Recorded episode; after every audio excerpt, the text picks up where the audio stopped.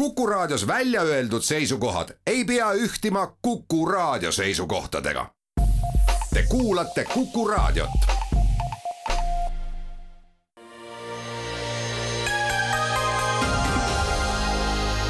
poliitikakuru, kui sina ei tegele poliitikaga, tegeleb poliitika sinuga. poliitikakuru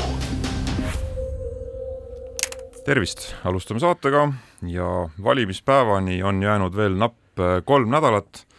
äh, väikese kopikaga ja tänast saadet äh, veavad vandeadvokaat Piret Kergandberg. tere! poliitikakuru toimetajad Erik Moora. tervist! ja Tõnis Leht, millest räägime? eks räägime loomulikult valimiskampaaniast, aga räägime ka Nursipalust, välisluure aastaraamatust, tuumaenergeetikast räägime ka ja võib-olla, võib-olla veel ühest ja teisest, aga tõepoolest ei saa mööda kuidagi Nursipalu teemast. selle nädala alguses kuulsime, et veel, et valitsus püüab siis Reformierakonna äh, vedamisel ikkagi Nursipalu laiendamisega ka veel valimisteel võimalikult äh, tempokalt äh, edasi liikuda ja siis päev-paar hiljem tuli juba teade, et, et mis jättis mulje, et Reformierakond on see, kes tõmbab ikkagi pidurit ja Nursipalu selliseks kiireks laiendamiseks vajalikku seadusemuudatust ei püüta enne Riigikogu valimisi ennaktempos menetleda ja kogu teema sisuliselt pannakse sahtlisse uut äh, valitsust ootama. Piret, kuidas sulle tundub või, või miks seda pidurit tõmmati ja kas see, kas see tundub õige otsus?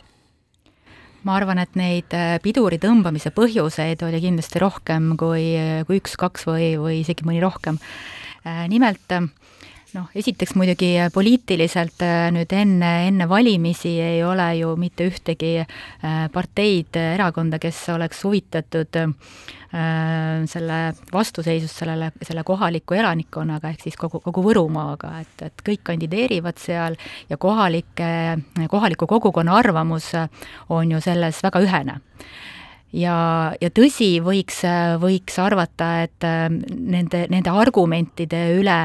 võiks toimuda diskussioon natukene konkreetsemalt, et mis on siis need põhjused, et miks konkreetsesse kohta ei võiks seda harjutusväljakut teha, ehk siis olemasolevat laiendada ja ei ole väga palju käidud avalikult välja neid alternatiive, aga eks selle põhjus ole ka kõik seesama, et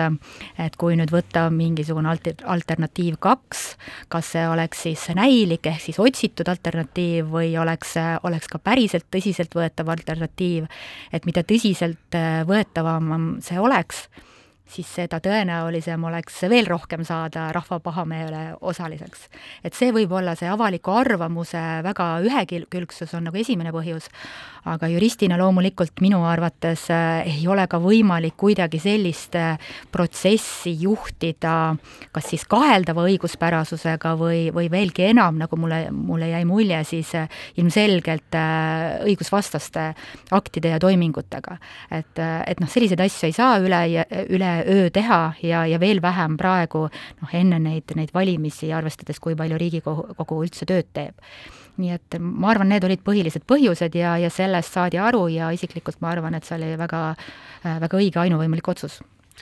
Jah, siin tuleb äh, kuulajale selgitada ühte asja, ühte nüanssi Eesti õigusloomes, mida, mida ei pruugi kõik lihtsalt teada või ei pruugi meelde tulla, on see, et kui Riigikogu valimised toimuvad, siis kõik Riigikogus menetluses olevad eelnõud langevad sealt välja ja kõiki neid alustatakse uuesti äh, uues Riigikogus, kuhu uus Riigikogu lõpuks on kokku tulnud mm, ja nii edasi. ja, ja õiguslik analüüs siis näitas jah, tõesti seda, et, et äh, praeguse seaduse alusel seda teha oleks vaidlustatav, kindlasti see ka vaidlustatakse, selles võib ju protsessi vaadates olla kindel, ja see tähendaks hoopis suuremat venimist et seetõttu äh, seadusemuudatus oli vajalik ja kuna seadusemuudatust Riigikogu ära menetleda ei jõua see, mm, selle ajaga, siis on mõistlik seda alustada uues Riigikogus. et see oli selline nagu formaalne selgitus või äh, pool, aga tõesti, nagu Piret ka ütles, oli seal põhjuseid kindlasti palju rohkem ja ma arvan, et võib-olla kõige tähtsam põhjus oli, äh, või noh, ühesõnaga kõige tähtsam täiendav argument oli sellele, oli ka see, et et see teema ikkagi oli nüüdseks ka nii-öelda tipp-poliitikas valimiste eel äh, iga päevaga üha rohkem politiseeritud, ehk siis tehtud poliitilise vaidluse, tülitsemise, süüdistuste ja üksteise pihta näitamise selliseks nagu äh, juhtumiks või, või teemaks, mille üle kõlbab vaielda. Ja see on äärmiselt ohtlik sellele harjutusvälja lõplikule tulemisele, et üldiselt näitab ajalugu, seda on maailmas, on palju näiteid, et keerulised protsessid või keerulised teemad või kus on ka teaduspõhist vaidlust, et kuidas asjad on ja nii edasi, Ähm, saavad äh, tehtud, kui seda nagu tehaksegi argumentipõhiselt äh, ette kokku lepitud protsessi raames ja, ja muul sellisel moel, ja selline nagu poliitilise debati keskmesse tõmbumine või poliitilise veelahkme tekitamine, ühiskonna poliitiliselt hästi nagu polariseerimine sellel teemal, toob kaasa antud teemal nagu niisuguse pikaajalise igavese seisaku. et ma toon ühe väikse näite maailma nagu sellisest äh, poliitilisest ajaloost või asjast, on see, et ähm, et on, on näide jälle siis nende keskkonnanormide või keskkonnamuutuste tegemisel, kui varem Ameerika, kolmkümmend aastat tagasi pandi piir niisugusel asjal nagu happevihmad, mis hävitasid tohutult kiiresti metsi, ja see käis niimoodi, et kõigile fossiilkütuste mm, soojusjaamadele pandi peale piirangud, et nad ei tohi enam teatud väävliühendeid õhku paisata. Ja, ja seda te, selle vastu alguses oldi täpselt samamoodi äh, nagu täna kliimamuutuste vastu võitlemisele, ja, ja see äh, lõpetati väga kiiresti ja praktiliselt ära tänu sellele, et, et ei tekkinud sellist nagu parteide poolset polarisatsiooni selle ümber, ennekõike siis Ameerikas. Äh,, ja, ja, ja pigem kehtestati sinna väga sarnane asi nagu tänane heitkogustega kauplemise süsteem äh,, mille tegid tegelikult vabariiklased hoopis, sest kiitsid seda heaks ja nii edasi, ja mis ma tahangi öelda, on see, et äh, nüüd see kliimakriis on siis vastupidine näide, kus äh, lahendus on, politiseerunud, on tekkinud sellised vaidlused ja lahendus tegelikult ei ole aastakümneid juba või aastaid, aastaid ja aastaid äh, tekkinud ja, ja Nursipalu on Eesti kaitsele nii oluline, et, et seal ei saa lubada sellist asja, et, et seal tekiks niisugune po politiseerumine. no paraku politiseerumine toimunud on seda vältida lõpuni oleks olnud ka üsna keeruline, sest valimised paratamatult tulid ja äh, vältida lõpuni on ka võimatu seda, et kohalik kogukond, eriti need, keda see vahetult puudutab, äh, on häiritud ilmselgelt ja sellisele muudatusele vastu ja see võib, võib äh, nii-öelda vastumeelsus võib paisuda ka nii-öelda asju korrektselt ajades võib paisuda küllalt suureks. küll aga ilmselt ole, oleks olnud välditav äh, kogu see nii-öelda protseduurilise äh, probleemistiku tekitamine, ehk et äh, see, kuidas seda menetleda, millist planeeringut, süsteemi valida, kas mingit seadusemuudatust on tarvis, noh, see ideaalmaailmas oleks võinud läbi oldud, nii-öelda läbi töötatud ja mõeldud olla nagu enne, kui, kui see teema tuli nii suurelt üles ja kui enne, kui kui mindi siis nii-öelda piltlikult kohalike inimeste kodude nii-öelda nihutamise kallale, ehk et kogu selle juba, juba kui, kui ots-, on jäänud mulje, et otsus on varem tehtud, eks ole, ja, ja nüüd siis õmmeldakse sellele otsusele külge selliseid sobivaid protseduure, see on see, see, ma teen võib-olla protseduurile ja selle läbiviijatele liiga, aga see on see mulje, mis kohalikul kogukonnal on jäänud. Ja selge, et seda poliitiliselt püütakse ära kasutada. nii ta on jah, aga kogu selle protsessiga tegelikult äh, iseenesest siin ja täna tahaks rääkida hoopis argusest et tegelikult ikkagi on lihtsalt väga vähe meil Eestis poliitikuid, kes räägiks sellel teemal selget keelt ja ütleks, ütleks või julgeks öelda selgelt paari asja, milles, milles tegelikult inim-, Eesti julgeoleku spetsialistid ja inimesed, kes päriselt Eesti julgeolekut äh, tagavad, on äh, ühte meelt. et esiteks, Eesti kaitse ilma Nursipalu laienduseta on väga palju nõrgem et mitte öelda võimatu. või noh, selles mõttes võimatu ei ole muid loomulikult, aga aga lihtsalt on väga suur probleem. me oleme täna juba harjutusväljade poolest pikalt maas Lätist, Soomest, Leedust, kõigist neist, ja kui harjutada ei saa, siis siia liitlased ei tule, kui liitlased ei tule, nende tehnika ei tule, kui nende tehnika, mis me endale ise siia hangime ja teeme kõik, millest me räägime, kui me seda harjutada ei saa, siis pole sellest mitte mingit kasu, nii et ühesõnaga, tegelikult on rohkem kui aasta aega, peaksime meie Eestis lähtuma sellest, et sõda meie vastu tuleb ma ei tea, mis see tõenäosus on, on see viiskümmend, viiskümmend, on see nelikümmend, kuuskümmend, ähm, ei tea, on see väiksem, isegi kui see on kaks protsenti, siis me peaksime selleks ju nagu täie jõuga valmistuma. Äh, ja, ja see tähendab tegelikult seda, et, et, et, ähm, et tegelikult see laiendus Äh, tuleks teha ja selle eest peaksid nagu poliitikud julgema seista, et see on äh, ülitähtis, et nad äh, julgeksid seda välja öelda, mitte ei hakkaks sellega nagu mängima. no mulje jäi see, et kuni selle nädala alguseni siis Reformierakond vähemalt kaitseministri isikus julges seista. ei no ja, ja igas erakonnas on neid poliitikuid, väga selgelt, ega siis EKRE-s on aga öelnud, siis enam mitte? Leo Kunnas on väga selgelt öelnud, et seda tuleb, ei no ta jätkas, ütleb, et seda on vaja, ta lihtsalt ütles, et me protseduuriliselt ei suuda seda teha, on ju. Leo Kunnas on öelnud, et seda on vaja äh,, igas erakonnas on neid, kes on, on seda öelnud ja kaitsnud, kes just ju, ju kaitseteemadest rohkem teavad äh,, aga tegelikult väga tähtis on, mida ütlevad ja teevad erakondade juhid. et see on nagu siin nagu võtmetähtsusega ja niipea, kui nad räägivad alternatiividest, eriplaneeringust, halvast kommunikatsioonist, siis see tegelikult ongi halb kommunikatsioon. selle asemel nad võiksid öelda, teha head kommunikatsiooni ja öelda, et inimesed, saage aru, seda on vaja, me kompenseerime selle kuhjaga, äh, me toetame seda ja et Eestil ei ole valikut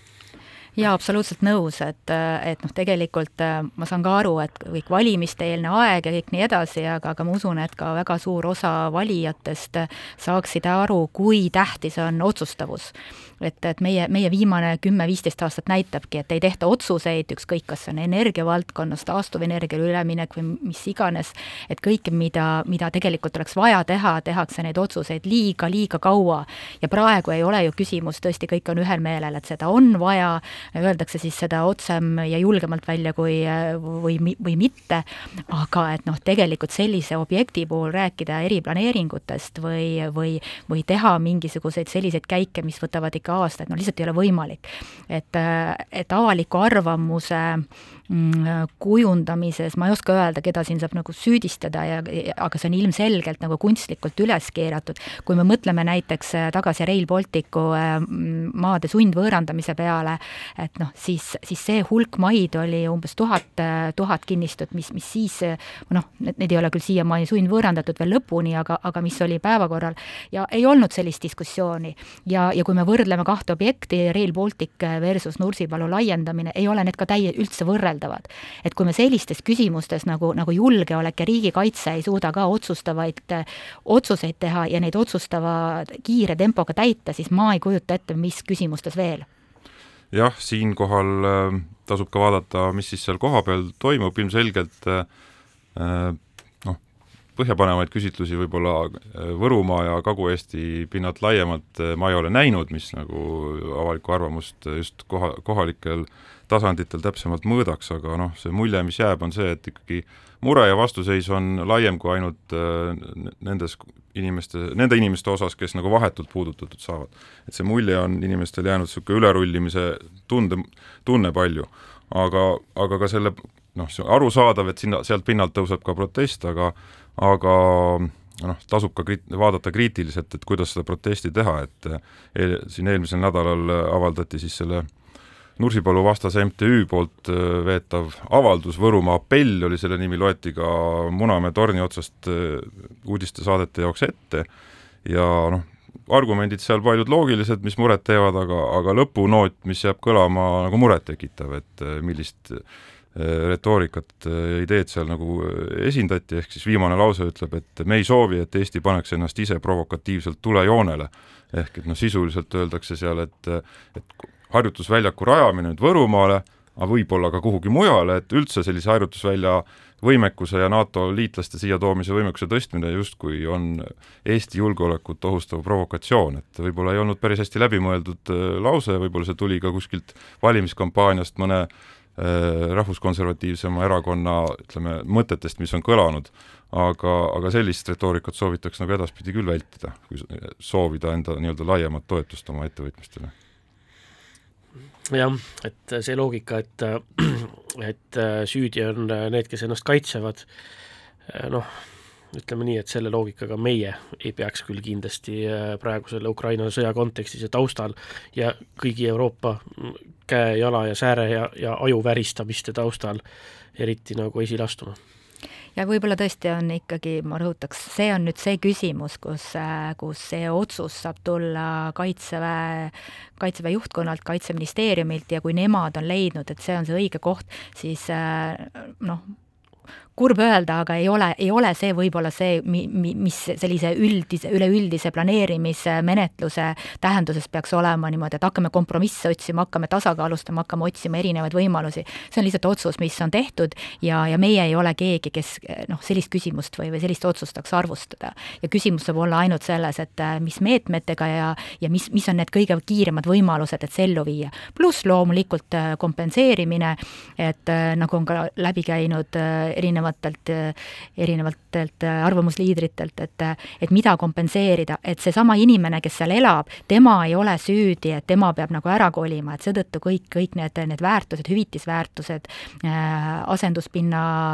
kompenseerimised või ütleme, ümberkolimised, noh, see spekter peaks olema kõik lahti ja noh, ma arvan, et ongi, vähemalt on kir-, nii-öelda avalikult seda välja öeldud. no aga samas see eeldab ilmselt siiski ka seadusemuudatust, et see Muidugi. praegune kompensatsioonimehhanism, et nii-öelda hinnatakse kinnisvara väärtus ära ja lisaks kakskümmend protsenti on võimalik sinna juurde saada, et see ilmselt ei ole inimeste nii-öelda õiglustundele piisav, et absoluutselt. see eeldaks ka seadusemuudatust, mis praegu selles nii-öelda kiirtempos planeeringu, nii-öelda riigikaitselise planeeringu erandi äh, tegemiseks nagu sees ei olnud, ehk et äh. See tuleb sinna lisada. aga see ei ole tegelikult küsimus ju ainult praegu Nursipalus, et ma tõin enne selle Rail Balticu näite või siis need näited, kus tõesti ähm, noh, mis iganes mingi tehas tehakse või kui, kui riigil on vaja, sest see oli selle seaduse mõte, et, et kui riigil on vaja, siis sina kolid sealt ära või sind kolitakse sealt ära. ja see ei saa olla, et keegi arvestab mingi maatulundusmaa või, või ka äh, kohaliku keskmise hinna alusel, et ütleb, et noh, nii, ma maksan sulle nüüd see viiskümmend tuhat eurot ja koli ära. et see on, kogu see süsteem tuleb üle vaadata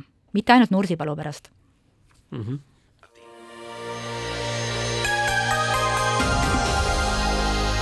poliitikakuru, kui sina ei tegele poliitikaga, tegeleb poliitika sinuga. poliitikakuru. jätkame saatega stuudios Erik Moora, Piret Kergantberg ja Tõnis Leht ja Nursipalu teema tuules jätkame siis julgeoleku valdkonnaga, sel nädalal jõudis kõigi soovijate lugemislaudadele siis Välisluureameti aastaraport, mis annab hea ja ma ütleks, üsna niisuguse selgesõnalise ülevaate Eestit ähvardavast julgeolekukeskkonnast, tuleb siis tõdeda, et see keskkond on suhteliselt ähvardav, ilmselgelt raporti fookus oli palju siis sõjal, Venemaa sõjal Ukraina vastu, aga ka siis Venemaa agressiivsusel ja võimalikel kavatsustel ka väljaspool siis ütleme, Ukraina lahingutannert, aga Eerik, kui sina lugesid ja oled äh, julgeolekuseisu jälginud, siis millise ohupildi see raport äh, maalib, et arvestades, et tegelikult see sõda nüüd, äh, mis pidi kiiresti lõppema, nüüd saab kohe varsti aastaseks ja, ja ei paista tegelikult kiiret lõppu? noh, Eesti kodaniku ja inimesena ütlen, saab öelda, et ohupilt selles mõttes on ikkagi nagu halb. et, et esiteks, nagu me näeme, sõda venib, nagu äh, Välisluureamet, ma arvan, väga kompetentselt hindab, et et Venemaa oma eesmärke üldse muutnud ei ole, ei näe põhjust neid muuta, on valmis nende nim-, saavutamise nimel minema nagu väga-väga kaugele, oma seda kolossaalset ajaloolist viga ei tunnistata, oma kaotust ei usuta, usutakse, et lääs demoraliseerub, laguneb koost, hakkab otsima lepitust, sunn-, sunnib Ukraina läbirääkimiste laua äärde ja seal oleks siis Venemaal juba jäme ots. et need kolm, need eesmärgid, millest loobutud ei ole, noh, on ikkagi need endised, et esiteks kogu Ukraina allutamine ja, ja demokraatia seal hävitamine, Ida-Ukraina vähemalt, vähemalt Ida-Ukraina enda kontrolli alla saamine, väga huvitav infokild, millest meil siin väga palju pole räägitud, aga, aga Välisluure Äh, raport ütleb seda ka, et, äh, et täpselt selline plaan oli neil ka juba tegelikult kaks tuhat kolmteist olemas ja koos äh, vastavate kaartidega ja kõige muuga.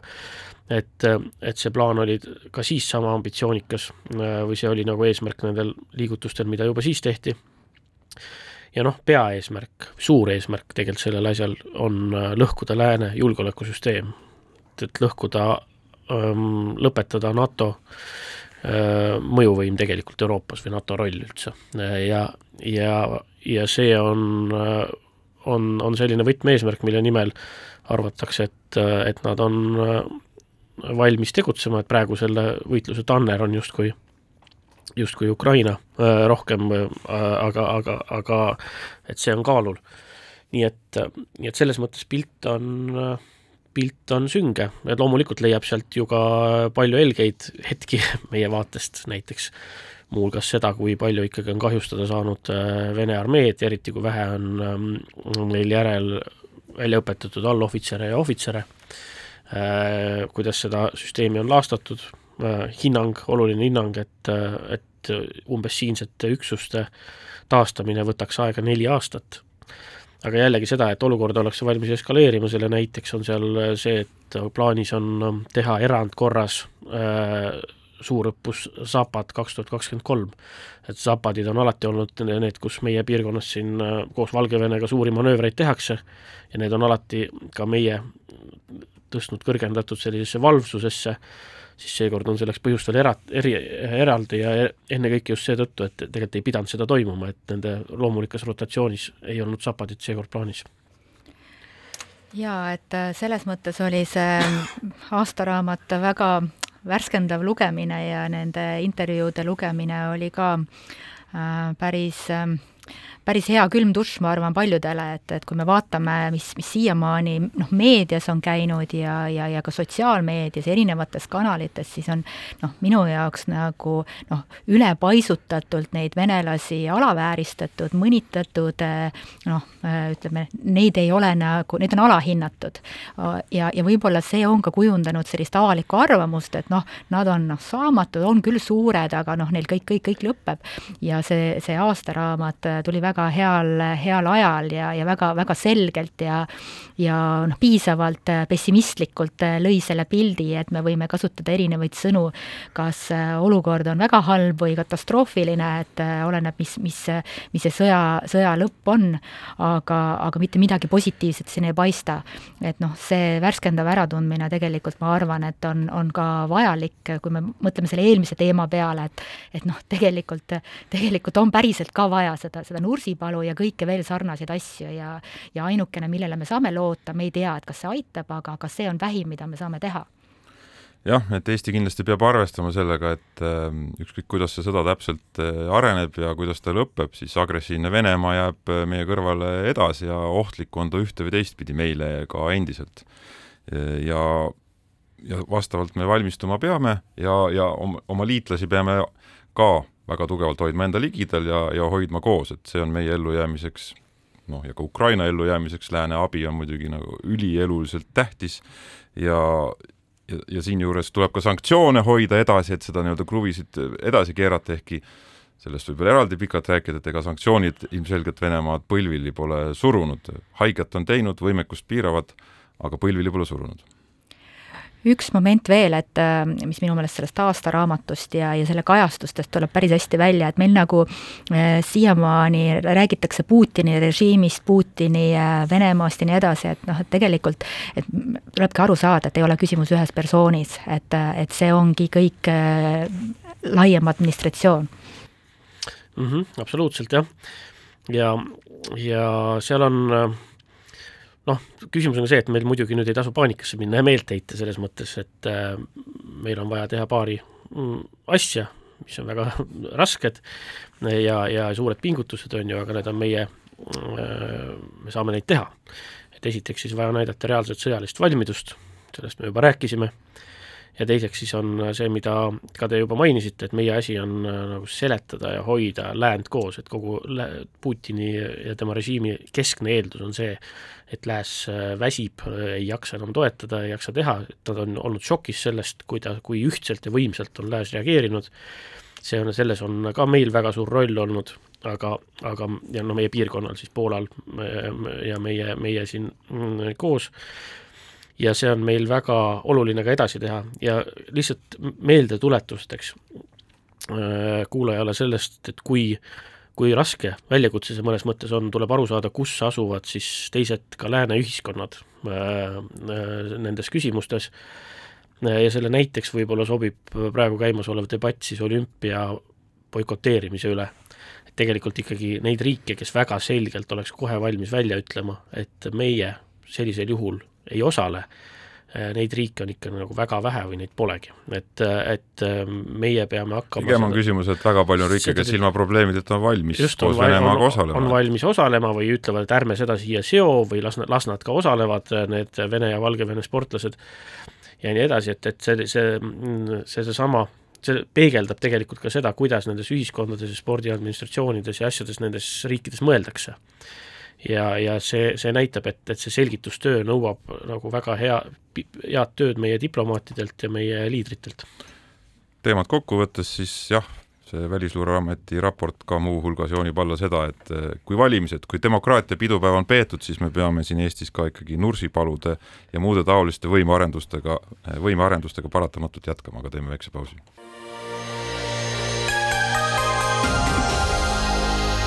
poliitikakuru, kui sina ei tegele poliitikaga, tegeleb poliitika sinuga. poliitikakuru.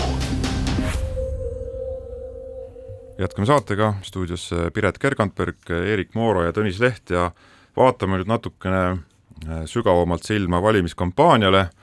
äh, sellise ütleme, nõuandva nurga alt võib-olla, ehk et äh, teeme väikese mõtteharjutuse, et mis te arvate,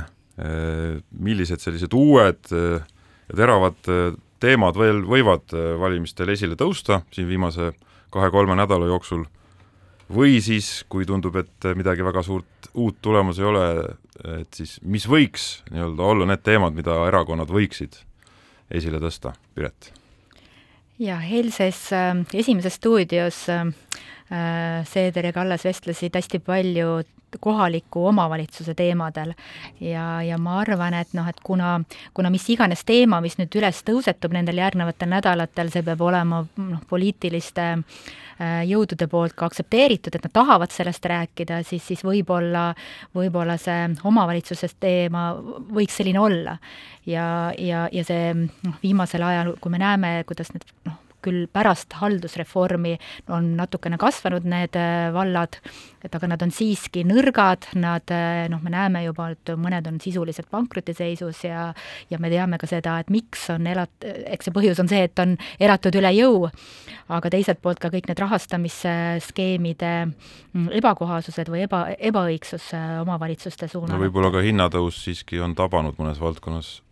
ka siiski ootamatult, see on osa üle jõu elamisest no, muidugi. ja, ja lumi tuleb ka alati ootamatult, et, et eks see on ikkagi päris palju nende ühinemislepingute küsimus olnud, kui me, kui me vaatame, kuulame, mis baasid on tehtud omavalitsustele ja ja valikuid, et eks see on pehmelt öelda, tuleks vaadata kriitiliselt selle peale, et eks see selline vastutamatuse äh, olukord on. et ma arvan, et võib, võib-olla see siin, siin tõusetub, sest see on inimestele nagu noh, lähedane ja, ja oluline ma arvan, et see sisuliselt on ta väga oluline teema, et siin võiks ju öelda, et see on kohaliku omavalitsuste valimiste teema või nende volikogude teema, aga ta ei ole absoluutselt, et seda teha, need otsused tehakse ju eh, Riigikogu tasemel, et eh, aga ma ei tea, Eerik, kuidas sulle tundub, aga noh, see, sul on, Piret, väga õig-, õigus, et, et see on asi, mis eriti väljaspool Tallinnat või suuremaid keskusi läheb tegelikult inimestele ka väga korda, aga mul on millegipärast tunne, et sealt nagu sellist teravat äh, nurka või äh, tugevaid loosungeid ja head nähtavust välja nii-öelda kopsida on keeruline. Nii ta vist on jah, et äh, ma vaatasin mis kipub kas... olema paljude Eesti, Eesti elu põhiprobleemide häda. jah, et äh, seal on see asi, et äh, omavalitsuste parema rahastamise ja omavalitsuste probleemide lahendamise puhul sa ei leia seda osapoolt, kes ütleks, et ei, ärme teeme, ärme, ärme aita, ärme paranda ja kui kõik parteid ütlevad ühtemoodi, siis sellest ei tule seda teravat äh, teemat, mis võiks tõusta, et ma vaatasin ka seda esimest stuudiot, kus siis sotside poolt Madis Kallas ja ja Isamaa esimees Helir-Valdor Seeder vaidlesid ja selle nagu pigem, sina nägid seal äh, pikka juttu äh, omavalitsuste üle, aga mina ennekõike nägin ja imestasin seal ikkagi nagu väga pikka, korduvat ja suhteliselt viljatut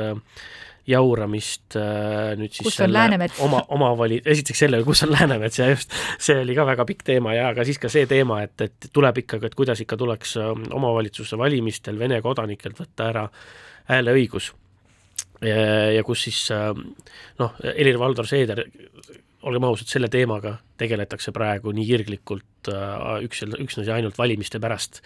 Ja ta püüdis siis ka see, nagu sotse mängida ilmselgelt sellesse olukorda või seda Madis Kallast, et justkui na, ta nagu peaks sellele vastumeelsust näitama, et saaks seda debatti kuidagi kiskuda, ja Madis Kallas ütles kavalalt või kuidagi niimoodi pareerides, et ei, me oleme nõus seda asja arutama, seda täitsa tasub, see on täitsa teema, mida arutada, et lihtsalt me ei jõua seda enne valimisi teha ja seda ei ole hea siia valimiskampaaniasse kiskuda, noh sarnane natuke loogika nagu seal Nursipalus ja nii edasi, aga noh, näha oli, et vaat, vaat taolist teemat otsitakse, et kui nüüd Nursipalu tõmbab nagu sellelt kõige kuumemate teemade teemade nimekirjast äh, tagasi, äh, see teema ka ei võta vedu, siis seda hirmsasti nagu otsitakse ja mõnedel valimistel seda ei leitagi, et on olnud, ma arvan, et ka näiteks kaks tuhat üheksateist valimistel tehti samamoodi püüdeid, aga, aga, aga mingi, mingi selline keskne vaidlus kõlama ei jäänud, aga kindlasti saab veel juhtuda midagi, saab tekkida mingisugune debatt, noh, Isamaa siin mingi hetk proovis käivitada seda universaalteenuse mis oli siis kaks punkt null asja ka samasugust, et tuua teravat võitlust selle üle, et et kas me nüüd kuidagi veel seda universaalteenust kiiresti muudame või ei muuda, noh, teised parteid ignoreerisid ka seda, eks näis, kas, kas taoline mingisugune algatus veel keegi tekitab, mille, mis suudaks inimesi kaasa tõmmata, ei tea. Noh, sellist ütleme, tulevikku ennustada ka selles osas, mis keskkonnas võib valimisi ümbritsevas keskkonnas võib muutuda, on tänamatu ja keeruline. kindlasti äh, ootamatuid sündmusi võib juhtuda, sellepärast nad ongi ootamatud, aga, aga ka kompra nii-öelda materjalid või kaustad äh, kindlasti ju mingil kujul äh, sahtlites on ja tiirlevad, et selles mõttes mingisugune skandaal a la nagu see Mihkelsoni teema üleval oli, et äh, nendele, kes seda kivi nii-öelda sinna mõne teise konkurendi tiiki viskavad, neile sellised teemad meeldivad väga, iseasi on, et kas praegu on midagi võtta, mis võiks haakida, seda on nii-öelda ette näha keeruline, nii et mul on võib-olla fantaasia puudus, aga ma ka nagu mõnda uut, päris uut teemat ei suuda nagu hästi ennustada, et eh, mis puudutab näiteks julgeoleku teemat, siis jah, Nursipalu mõõdet või saab ehk võib-olla võetakse natuke vähemaks, samas äh, ja see natuke on Reformierakonnale abiks, et see nii-öelda julgeolekufoon läheb tagasi selliseks üldisemaks ja, ja sisulisemaks võib-olla sellele võib aidata kaasa see, kui, kui Venemaa pealetung Ukrainas näiteks in, oluliselt intensiivistub ja see nii-öelda situatsioon seal muutub jälle eksistentsiaalsemaks, et see võib mängida taas nii-öelda Eesti julgeolekuliidrite ehk siis Reformierakonna kasuks. Üks teema, mis, äh, ta ei ole päris uus, ta on ju kõikidel äh, parteidel ka äh, programmides, on, on siiski kliimapoliitika, kliimaseadus, kliimaeesmärgid, valikud, seesama taastuvenergia, põlevkivi, noh, see on ka lõputu dilemma olnud ja, ja ma, ma siin ootaks ka, et noh, siin on kindlasti, kus, kus on erinevaid jõude, on erineval arvamusel ja ootaks hea meelega nagu sellist sisukamat dialoogi, et mis on küll mõnedel üritustel on, on toimunud, aga, aga ma ei ole veel praegu nagu avalikus meedias ja valimiskampaania jooksul kuulnud. no igal juhul noh, absoluutselt nõus, et seal on vaja sisukat dialoogi ja ka sisukat edasiliikumist samas äh, EKRE kindlasti on tänulik sellise nii-öelda temaatika tugevama mängimise eest, sest nemad on siin võib-olla kõige eristuvam just äh, väga selge vastu olemisega, et ka seda, seda peegeldab ju ka nende korraldatud Riigikogu siin selle nädala arutelu, nii-öelda tähtis riigielu küsimus, äh, rohe, rohepöörasus oli siis selle pealkiri, et, et nendel on see nurk, et ja, ja, ja teiste, teised erakonnad, nende positsioon on noh, sellised ei ole nii selgelt eristuv, seetõttu võib-olla ta ei võeta ka nii palju esile. Võib-olla küll jah, ja, ja, ja ma samamoodi, ma ka niisugust sellist suurt avalikkust erutavat debatti ei näe ka asjadest, mis praegu veel Riigikogus menetluses on. eks seal on väike hulk seadusi, mis on seal kolmanda lugemise faasis või lõppfaasis või vajavad kinnitusi, et neist võib-olla kõige selline märgilisem on metsanduse arengukava mis on nüüd tõesti nagu väga kaua aega tehtud, viis aastat või rohkem on teda tehtud, ja nüüd on seal küsimus, et kas see võetakse siis lõpuks veel vastu, et on Riigikokku vastuvõtmiseks antud enam-vähem sellisel võta või jäta kujul, ehm, suuremat äh, debatti Riigikogu selle enam teha ei jõua ja, ja eilsel äh, riigi-, keskkonnakomisjoni avalikul istungil küll ei tekkinud seda ka vaadates mingisugust tunnetust või selgust, et kas see nüüd suudetakse vastu võtta või mitte, et, et noh, signaalid et, koalitsioonist siiski nagu viitavad, et hääled endiselt justkui on koos, et kuna see arengukava nagu nii ülitäpselt ka näiteks raiemahtu ikkagi üheselt ei fikseeri, et siis on võimalik sellega siiski praegu läbi purjetada? no eeldaks või oletaks küll jah, et juba juba selles osas, et lihtsalt inimestele lõputult ressurssi sellise protsessi alla panna ja hakata sellega uuesti otsast peale, tundub äh, täitsa, täitsa jabur. riigikogus on ka paar väga olulist seadust veel menetluses, mis võiksid päriselt meile mingisuguseid muudatusi või lahendusi tuua, millest esile tõstaks mm, siis elektrituruseaduse muudatuste paketti, millel on äh, potentsiaali päriselt siis äh, kiiremat taastuvenergia rajamist Eestis aidata. Reaalselt, et seal on võib-olla isegi neid praktilisi samme on tehtud väga vähe seni, et seal on neid terve hunnik, noh alates siis fantoomliitumiste lõpetamine vist päriselt ei õnnestu, mis on plaanis, ehk siis võrgu vabastamine uutele taastuvenergia võimsustele, planeeringute kiiretamist, loa, loamenetluste kiiret-, kiirendamist, keskkonnamõjude hindamiste mõningast kiirendamist ja nii edasi, et neid asju, mis seal on, on tegelikult äh, väga vaja, kui me tahame ruttu energiaprobleeme lahendada jaa, absoluutselt nõus, et neid oleks kindlasti vaja ja kindlasti oleks olnud veel meetmeid, mida oleks saanud sinna lisada. ma olen muidugi skeptiline, et ega, ega see seadus ei, ei hakka neid otsuseid ja neid toiminguid natuke kiiremini tegema, aga noh, abiks seegi. no menetluses on ka veel punamonumentide, punasümbolite siis äh, kiirema äh, kõrvaldamise äh, seaduse muudatus siis ehitusseadustik eeskätt, mis on ka puhtalt ikkagi ju poliit-, noh, ütleme laiem julgeolekukeskkond, aga sisuliselt siiski poliitiline äh, keskkond, mis noh, Isamaa teema on ta kõige rohkem olnud, aga hetkel tundub, et seal koalitsiooni koosmeel selle taga on veel piisav, et see ära teha ja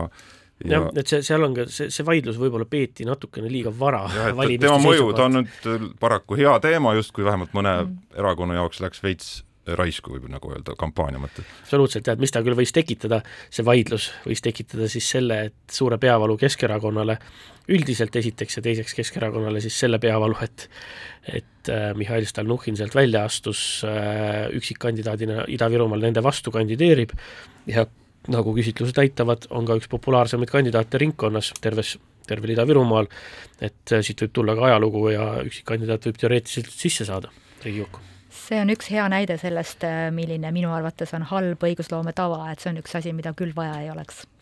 aga meie, e-, enne meid siin oli just ähm, valimisdebatt, kus ka Tanel Kiik äh, Keskerakonna osalejana äh, oli, oli tules, siis Keskerakonna siis tulemus ja, ja Vene valijate köitmine, nende valimisaktiivsus on tegelikult üks suuri teemasid, mis ja määravaid teemasid, mis valimistulemust mõjutavad ja seal on küsimus, mida siis Keskerakond saab ja julgeb ja tahab oma venekeelse valija suunas teha. meile Tanel Kiik küll väitis, et nende jaoks on see nii-öelda kahe jutu rääkimine juba ammu minevik, et selle eest on nad kõvasti saanud vastu näppe seda enam teha ei saa, et äh, eestlastele ühte ja venekeelsele valijale teist. mina no, siiski julgeksin, ütleme, valimistehniliselt äh, veidi kahelda, kas see päris, päris läbi on ja teiseks võib-olla julgustaksin ka, et ikkagi natuke nii-öelda noh, lihtsalt Keskerakonna valimistulemuse seisukohalt vaadates, et võib-olla natuke peab seda siiski proovima. et äh, vene, vene valijaid äh, ergutada ja, ja noh, võib-olla tänase saate kokkuvõttele, kui see kuskil peaks ilmuma, saab siit päris hea pealkirja, et sellest soovitab Keskerakonnal rääkida eestlastele ja venelastele erinevaid jutte, mida nad muide muidugi teevad, sellepärast et mina olen vaadanud sellel nädalal ka neid esimesi stuudioid või neid debatte, sealhulgas siis haridusdebatti äh, ja, ja ka mm, ühte varasemat ähm, debatti Jüri Ratase osalusel ja, ja seal äh, noh, ikkagi see jutt, mida nad räägivad sellest, kuidas nad on ähm, kogu aeg tegelenud eestikeelse hariduse intensiivselt nagu koolidesse viimisega ja et see on, et nad on seda kogu aeg teinud ja selle poole liikunud ja, ja nii edasi, et see on ikkagi jutt eestikeelsetele inimestele ja, ja venekeelsetele on nad aastaid rääkinud midagi täiesti muud ja, ja jätkavad selle rääkimist ka praegu. aga selle teema kokkuvõtteks siis kindlasti Äh, EKRE sooviks, et äh, nende jõulistele avangutele siin põgenike teemadel, Ukraina abistamise, sõjalise abistamise teemadel tuleks rohkem sellist vihast vastukaalu ja no tegelikult ka Reformierakond ja võib-olla laiemalt äh, teised liberaalsed erakonnad ka ikkagi võib-olla tahaksid seda motiveerivat ja, ja sellist tigedamat musta ja valge vastandumist siin viimastel nädalatel veel näha, mis on tegelikult olnud suhteliselt passiivne või nii-öelda see on, see on suhteliselt passiivne ka, aga, aga tulebki vaadata, meil on jäänud valimisteni siis, mis meil on siis kolm nädalat, või noh, isegi tegelikult nende e-valimiste ja eelvalimiste alguseni tegelikult on ju vähem veel isegi kolm nädalat praegu juba jäänud ja, ja et nüüd vähemalt parteide enda selline pingutus läheb selle peale, et, et hakatakse tegelema siis sellise kampaania stiiliga, mille nimi on või noh, inglise keeles on get out the vote, ehk siis sa pead lihtsalt oma hääle nagu kohale tooma, keskendud sellele mm, ja, ja, ja, ja rõhutad, rõhutad siis oma mingisuguseid tugevusi ja katsud rünnata rünnata jutumärkides oma valijagruppe, siis siis võimalikult nagu spetsiifiliselt just mingisuguste nende murede või asjadega käiakse rohkem uste taga ja käiakse mingitel üritustel kohal ja nii edasi ja selleks, et just, et igal juhul kõik inimesed tuleksid. ja ka see on asi muidugi, milles protsessis just ka selline mingisugune avalik, avalik šokk, ehmatus või skandaal või juhtum aitaks äh, erakondadel mobiliseeruda. aga teeme siinkohal väikse pausi.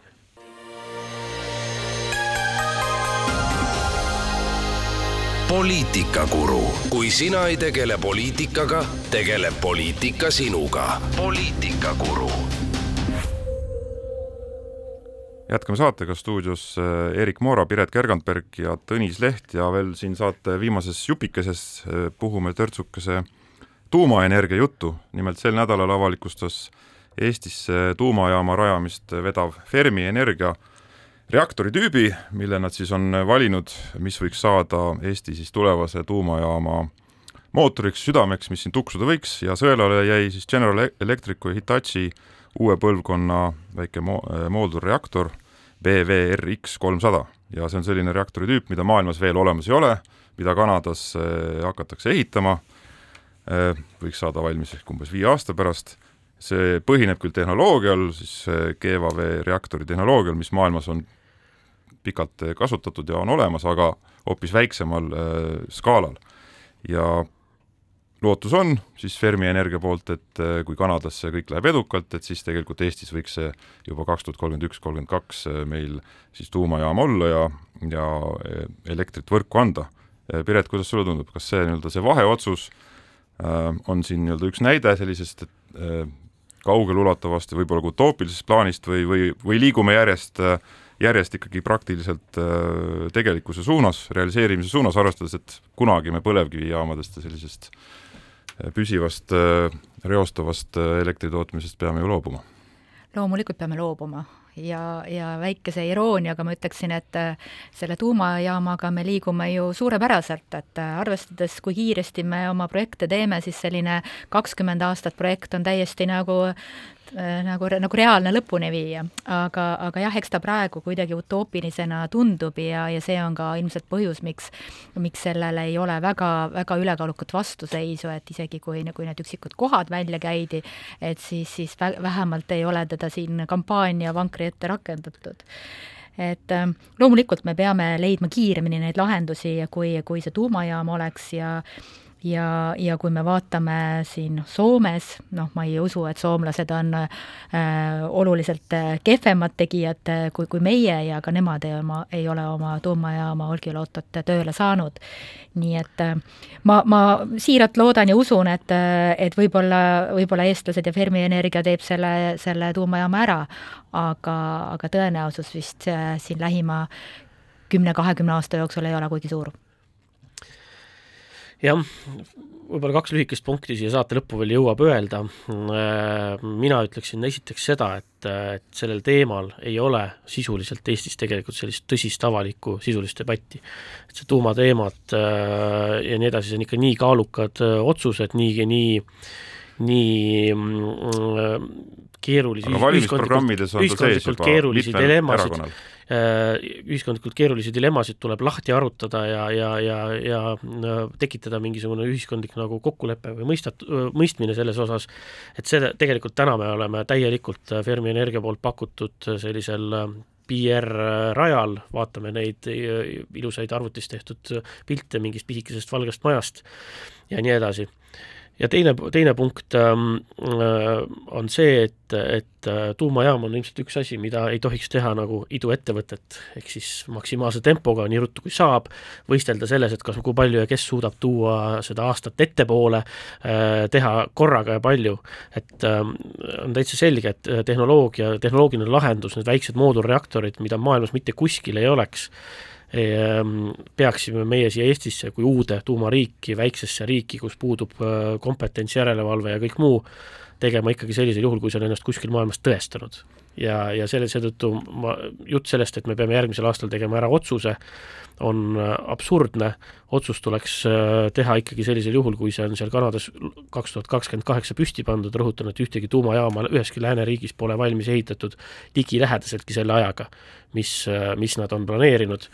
ja kui see on ennast seal kommertsiaalselt tõestanud, töötab, toodab, on usaldusväärne, kõik toimib, erinevalt siis näiteks sellest Olkiluoto kolmandast, mis ei, ei saa ja ei saa tööle juba viisteist aastat, siis siis, äh, siis äh, võiksime me seda tõesti otsustada, mis tähendab seda, et kaks tuhat äh, kakskümmend, kaks tuhat kolmkümmend üks või kaks tuhat kolmkümmend, nagu oma programmis ütleb Reformierakond, et see on ikkagi nagu selline väga iduettevõttelik hoiak väga tõsisel teemal. kuulan sinu juttu, loen Fermi Energia juttu ja vaatan, et tuumadebatti siit võib tulla küll, aga, aga me ei jõua seda praegu täna lõpuni pidada, olge terved, oleme taas eetris nädala pärast